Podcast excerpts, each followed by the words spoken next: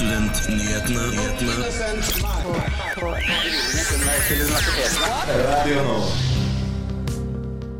Tannlegeklinikk på odontologisk fakultet gir eh, god behandling til en god pris. Klamydiatesting blant studentene har doblet seg sammenlignet med i fjor, men ikke alle er like flinke. Vi har gjennomført en undersøkelse og sett på hvorfor studenter sniker på kollektivtransport. Stemmer det at kvinner i Norge i teorien slutter å tjene penger 15.11? Hei og hjertelig velkommen skal du være til Studentnyhetene og riktig god fredag. Eh, mitt navn er Ingar Jakob Feiring, og med meg i studio så har jeg med meg eh, Ingrid Birkemann. Ja, eh, i dag har vi mange spennende saker, så jeg håper at du følger med den neste timen. Men før vi serverer disse sakene våre, så skal vi selvfølgelig ha ukens nyhetsoppdatering.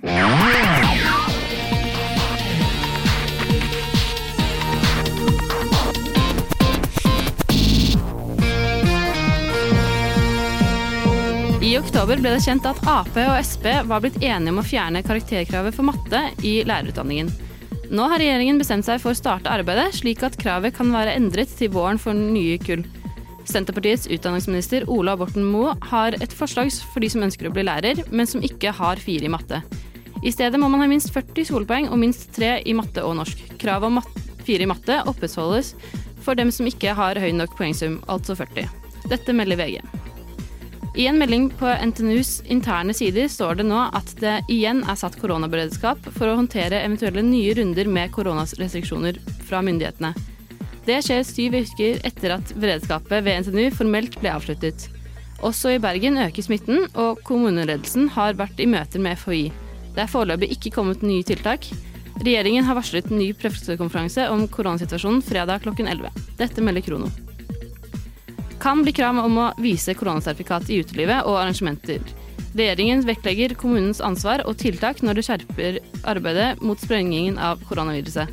Det blir strengere krav til testing fra onsdag i neste uke, og regjeringen vil legge til rette for at kommunen kan innføre krav om å vise fram koronasertifikatet på arrangementer og utesteder. I tillegg oppfordrer både helseminister og statsminister til at kommunene ikke må nøle med å sette i gang tiltak der det er utbrudd av korona. Dette melder Krono.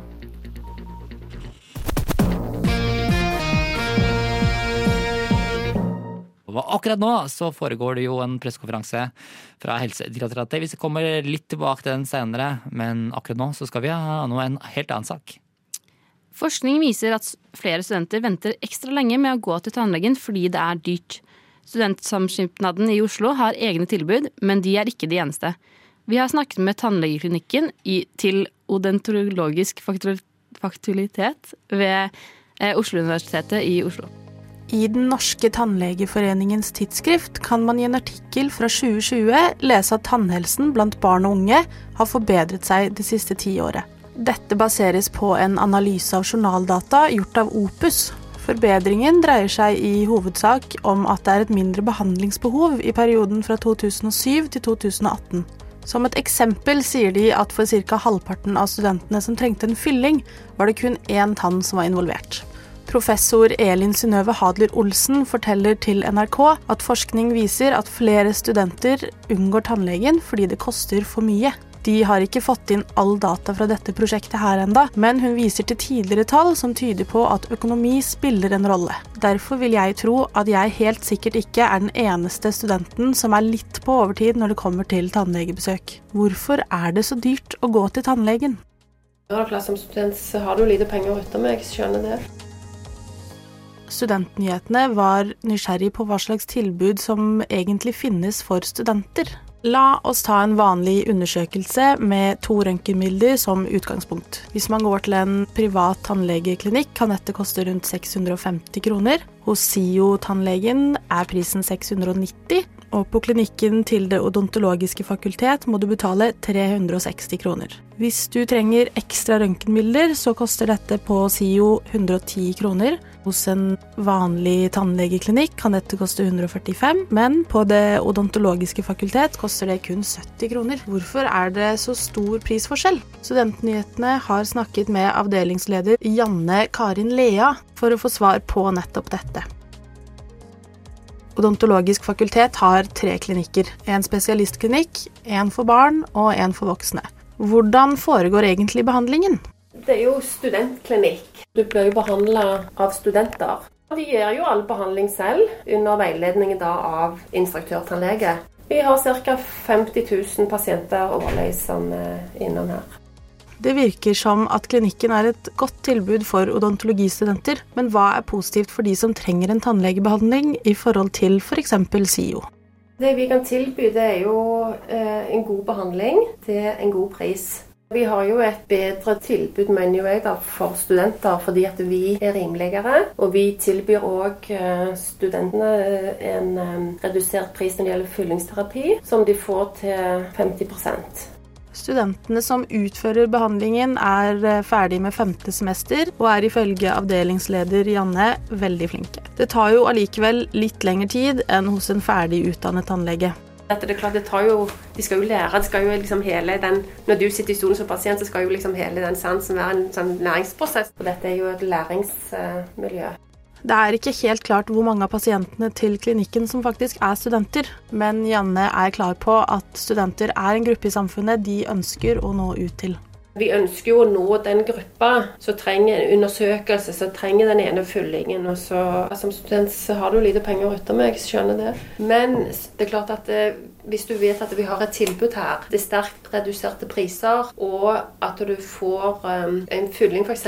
til 50% av det igjen at tannlegestudenter får praksis, i tillegg til at studenter kan få behandling til en rimelig penge, er jo en vinn-vinn-situasjon, synes vi i Studentnyhetene. Vi kan også si at med anbefaling fra Det odontologiske fakultet, så er ikke tannlegebesøket noe man trenger eller bør utsette. Tusen takk til avdelingsleder ved klinikken, Janne Karin Lea. Reportere i saken var Hanne Drange og Selma Bull. Du lytter til Radio Nova. Og eh, Helsedirektoratet har, eh, har, jo hatt pressekonferanse. Vi har fulgt litt med. Eh, det mest spennende fra den er jo at det nå anbefales å bruke munnbind om man ikke kan holde én meter innendørs. Altså der. Og så blir det også noe strengere innreisetiltak for folk som reiser inn og ut av Norge. Men nå skal vi snakke om noe helt annet, som forstått også er helserelevant. Etter gjenåpningen av samfunnet har studentene endelig fått lov til å mingle mer med hverandre. Det har ført til at SIO helse har doblet, så mange antall tester eh, for klamydia i år som i fjor, men få av disse er menn. Siden gjenåpningen av samfunnet har antall studenter som tester seg for klamydia, dobla seg sammenlignet med året før. Vi tok turen til SIO helse for å snakke med en av fastlegene der. Eh, mitt navn er Alexander Torne. Jeg er eh, fastlege ved SIO helse og spesialist i allmennmedisin. Klamydia, òg kjent som klamma, er en infeksjon mange er kjent med. Den smitter via ubeskytta seksuelt samleie. Men hvordan vet man om man har klamydia? Det er jo ikke alle som merker det. Så både kvinner og menn, eh, jenter og gutter, eh, kan gå med dette uten å vite det.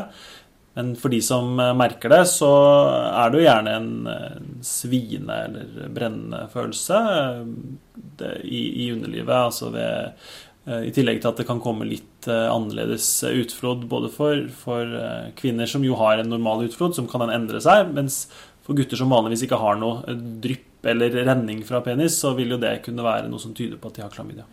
Av de som tester seg, er bare 20% menn. Studentene i Oslo er ikke overraska. Nei, ikke i det hele tatt. Sånn, når det kommer til heterofile liksom, relasjoner og sånn, så er det jo veldig typisk at på en måte, kvinnen som ofte har eh, ansvaret, og så er det mannen som er sånn whatever, whatever, så lenge pikken min føles bra ut, liksom.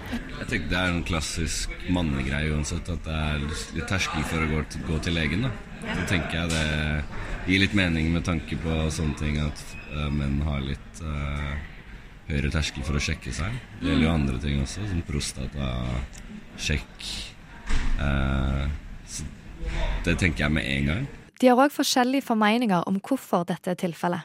Kvinner har jo liksom på, gruppenivå, på gruppenivå så har du jo eh, større andel av nevrosisme i samfunnet. Mm. Liksom Innenfor det heteronormative så er det ikke ofte menn tar ansvar generelt når det kommer til på en måte, alt det seksuelle. Men så er det kanskje ikke menn eller gutter drar til legen så ofte uansett.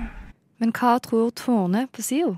Nei, det tenker vi jo kanskje handler om at jenter generelt er bedre til å søke lege. Eh, de er vant til det i forbindelse med prevensjon. eh, og celleprøver og sånn, da, som jo er aktuelt etter hvert. Men så handler det om at jentene nok har, at det har større konsekvenser for jentene hvis de har klamydia, med tanke på at de kan få bekkeninfeksjoner og påfølgende redusert fruktbarhet. da. Er det noen konsekvens for menn, annet enn at de er spredere? Ja, det kan i teorien gi betennelser i eh, bitestikkel og, og testikkel, og i sjeldne tilfeller så kan det gi en nedsatt fruktbarhet, men, men det er nok sjeldent. Kun halvparten av de som har klamydia, merker symptomer. Derfor er det ekstra viktig å teste seg. Det viktige er at de som ikke bruker kondom, at de er flinke til å teste seg eh, ved partnerbytte. Så det er jo retningslinjer som anbefaler det for alle under 25 år eh, ved partnerbytte som har vært eh, ja, ubeskyttet sex. Da. Men for de som aldri har tatt en klamydiatest, kan det kanskje høres litt skummelt ut. Så hva er det egentlig det innebærer? Det innebærer at du kan droppe inn her hos oss på SIO.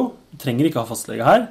Eh, og da melde seg i, i luka. Eh, og så får man ta et par ord med en lege for å bestemme liksom hva som er nødvendig, og hva som er bekymringer, og eventuelt om de har noen plager. Og så får jentene med seg en sånn pinne, sånn som en lang q-tip. Eh, gutta får med seg en, et lite plastbeger og fyller med urin. Jentene tar den pinnen opp i skjeden, og så tar gutta og tisser litt på koppen. Så legger man det i et lite skap, og så kan man gå. Og så får man svar i løpet av to-tre dager. Så blir man oppringt da, hvis det er noe i prøven. Vi spurte fastlegen hva han tror guttene trenger for å bli flinkere på å teste seg. Jeg tror de bare trenger å øve seg litt på å gjøre det. At det kanskje ikke er så kleint som de tror. Og, og at det er en veldig trygghet for dem selv og for de partnerne de har. Eh, og at de tar ansvar. da. At eh, de viser det ved å teste seg.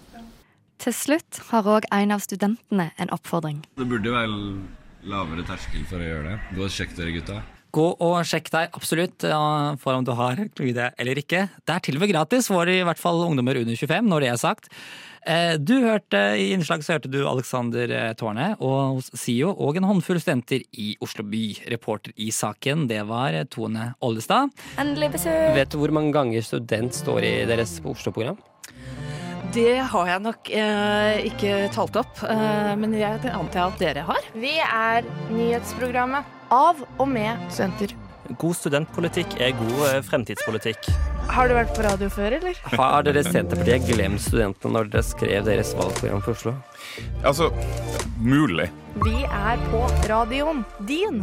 Og på podkast. Aldri lenger unna. Og spør om Peter. Hei, hei. Jeg vil bare informere deg om at du hører på Studentnyhetene. Det er jo tydelig at noen har lagt merke til hva jeg har holdt på med, og at eh, hvis det har gjort en bitte liten forskjell et eller annet sted, så er jeg veldig glad. Det er viktigste for meg. Hver fredag fra 11 til 12 på Radio Nova. Hør på oss. Jeg hadde ikke gjort det. Billettprisene til Ruter øker stadig. Enkeltbillett for voksne koster nå 38 kroner, mens 30-dagersbilletter går opp til 795 kroner.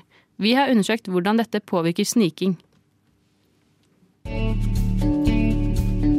Ruter vil tape opp mot 13 millioner på høyesterettsavgjørelsen om å ikke holde tilbake snikere på transportmidler. Etter denne avgjørelsen er det vanlig å lese om Ruter i avisene. Artiklene tar opp dette tapet, men spekulerer også hvem som står for det. Tapet kan muligens føre til bruken av hjemmekontor, men det har også vært påpekt at det er Ruters kontorer som tar masse av beløpet.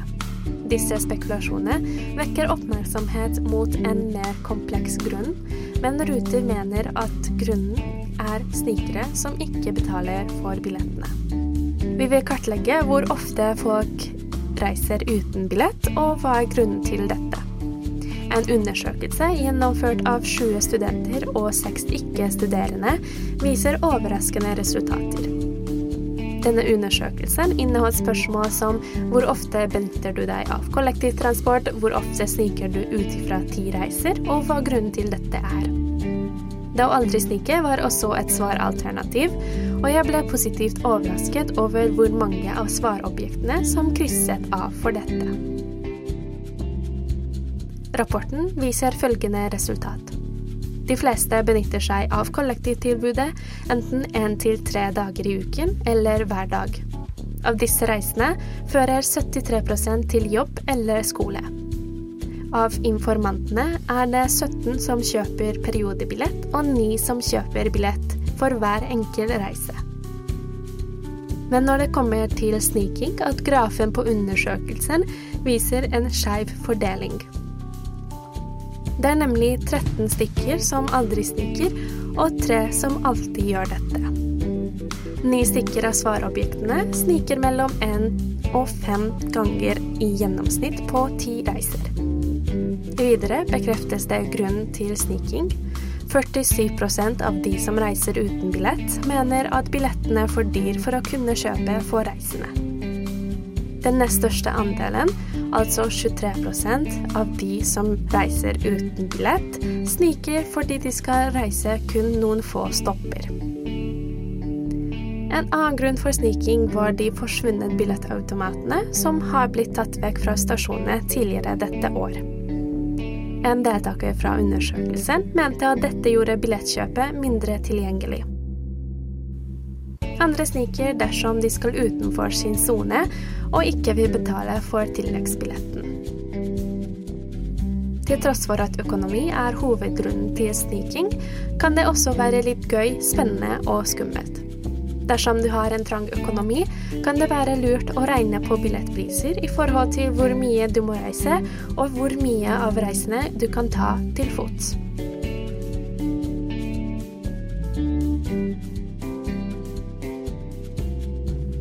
Denne undersøkelsen var publisert på sosiale medier og var frivillig å gjennomføre. Svarene dekker ikke et tilfeldig utvalg av alle reisende i kollektivtransport. Tusen takk til alle som har deltatt i undersøkelsen.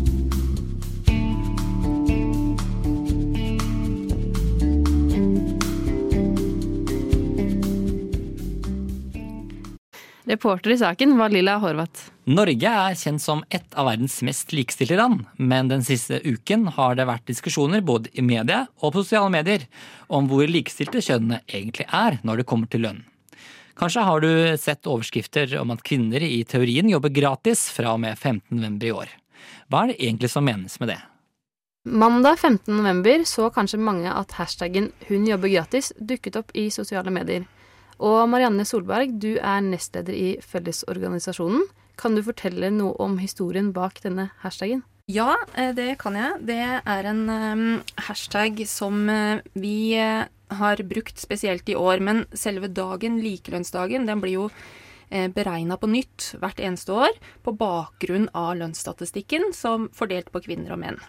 Og akkurat i år så ble dagen 15. november. I fjor var den 16. november. Det betyr at vi har rykka én dag bakover. Og det er jo fordi at vi i år har en beregning av at kvinner i gjennomsnitt tjener 87,5 kroner for hver hundrelapp en mann tjener. Eh, ja, fordi det er jo mange som mener at eh, denne datoen er misvisende. Eh, fordi at eh, de 87 er i, i gjennomsnittet, Mm. eh, men ikke eh, hvorvidt en mann og en kvinne i samme stilling eh, har lik lønn. Eh, hva svarer dere på den kritikken? Ja, det er ganske interessant å se all den kritikken vi får etter markering av likelønnsdagen. Eh, og det er klart vi bruker et gjennomsnitt, for dette er en markeringsdag. Eh, det er gjennomsnittlig eh, lønnsinntekt for kvinner og menn hvis alle hadde jobba i fulle stillinger. Hadde man eh, tatt med at kvinner veldig ofte også må jobbe deltid, så hadde gapet blitt mye, mye større. Hadde vi i tillegg tatt med kapitalinntekter, næringsinntekter osv., osv., så, videre, så ville gapet vokst seg til i hvert fall 30% eh, Sånn at eh, ja, det er et snitt, og halvparten av det lønnsgapet, det kan vi forklare med den type ting som vi blir kritisert for. ikke sant? At eh, det er eh, forskjellige sektorer, forskjellige yrker osv., osv. Men det er halvparten. Halvpart, den andre halvparten, den handler jo om noe annet. Den handler jo om det mer strukturelle og synet på verdien av arbeid som kvinner gjør, og verdien av arbeid som menn gjør. Ehm, og vi må eh, rett og slett ta stilling til den urettferdigheten, mener vi. Er det sånn at det norske samfunnet syns det er greit at en eh, ingeniør med en bachelorgrad tjener mer enn en eh, sosionom med en bachelorgrad? Er det greit at det er mer lønnsomt å ja, eh, bygge broer og veier enn det er å bygge folk og samfunn, som vi sier.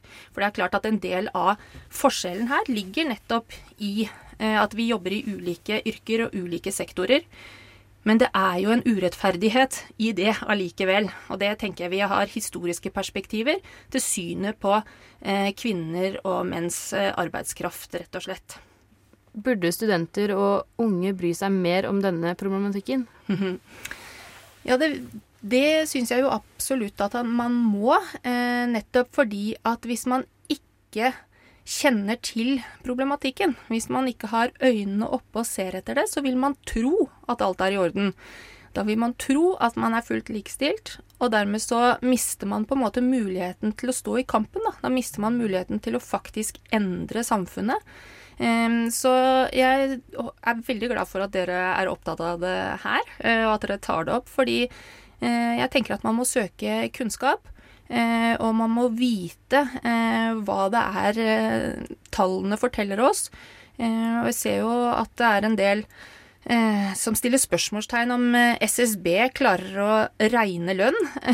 det blir stilt spørsmålstegn ved tallene, og det er jo ganske interessant. Eh, så jeg oppfordrer alle studenter til å virkelig sette seg inn i den problematikken her, og ikke kjøpe de litt lettvinte motargumentene som kommer fra en del ja, eh, menn i næringslivet for tida. Eh, hvorfor mener du at det er viktig at vi markerer denne dagen? Jeg mener det er viktig eh, fordi at vi tar som en selvfølge, de fleste av oss, at det er likelønn i Norge. Eh, og når vi ser på de reaksjonene vi får når vi markerer denne dagen, hvor mye motstand vi får, hvor mye motkrefter det skaper, så tenker jeg det viser at det er utrolig viktig at vi markerer denne dagen på en skikkelig måte. Eh, fordi at det er viktig at vi forstår at kvinner og menn i Norge i dag har veldig ulik inntekt. Enten vi regner på den ene eller den andre måten. Om vi bruker snittlønn, timelønn, årslønn. Uansett hvordan vi snur og vender på det, så er det sånn at kvinner i mindre grad har muligheten til å være økonomisk selvstendige. Så jeg tenker det er viktig at vi fortsetter eh, å markere denne dagen helt til den dagen faller på nyttårsaften. fordi da betyr det at vi har fått likelønn. Det var Marianne Solberg, nestleder i Fellesorganisasjonen, som sa vi takker for intervjuet. Reporter i saken det var eh, Ingrid Brinkmann og Torunn Festøy. Eh, og vi holder jo til på Chateau Neuf eh, ved Majorstuen. Og når jeg ser ut av vinduet her og nå, så er det jo faktisk Det ser ut som det er strålende sol, kanskje litt skyer på himmelen. men fortsatt kanskje kaldt, vil jeg anta. Men hvordan kommer været til å bli i helgen? Det skal vi finne ut av nå. Ja, I dag vil det være overskyet mesteparten av dagen, men temperaturen vil holde seg ganske stabil mellom 6 og 10 grader. Lørdag vil det fortsatt være overskyet mesteparten av dagen, men temperaturen vil være noe lavere. På søndag blir det mer sol, men temperaturen vil fortsette å synke. Det ser ikke ut som det kommer noe snø denne uken heller, men neste uke er det kanskje større sjanse for dette. Så nå er det bare å nyte den varme temperaturen enn så lenge. Værmeldingen er hentet fra yr.no.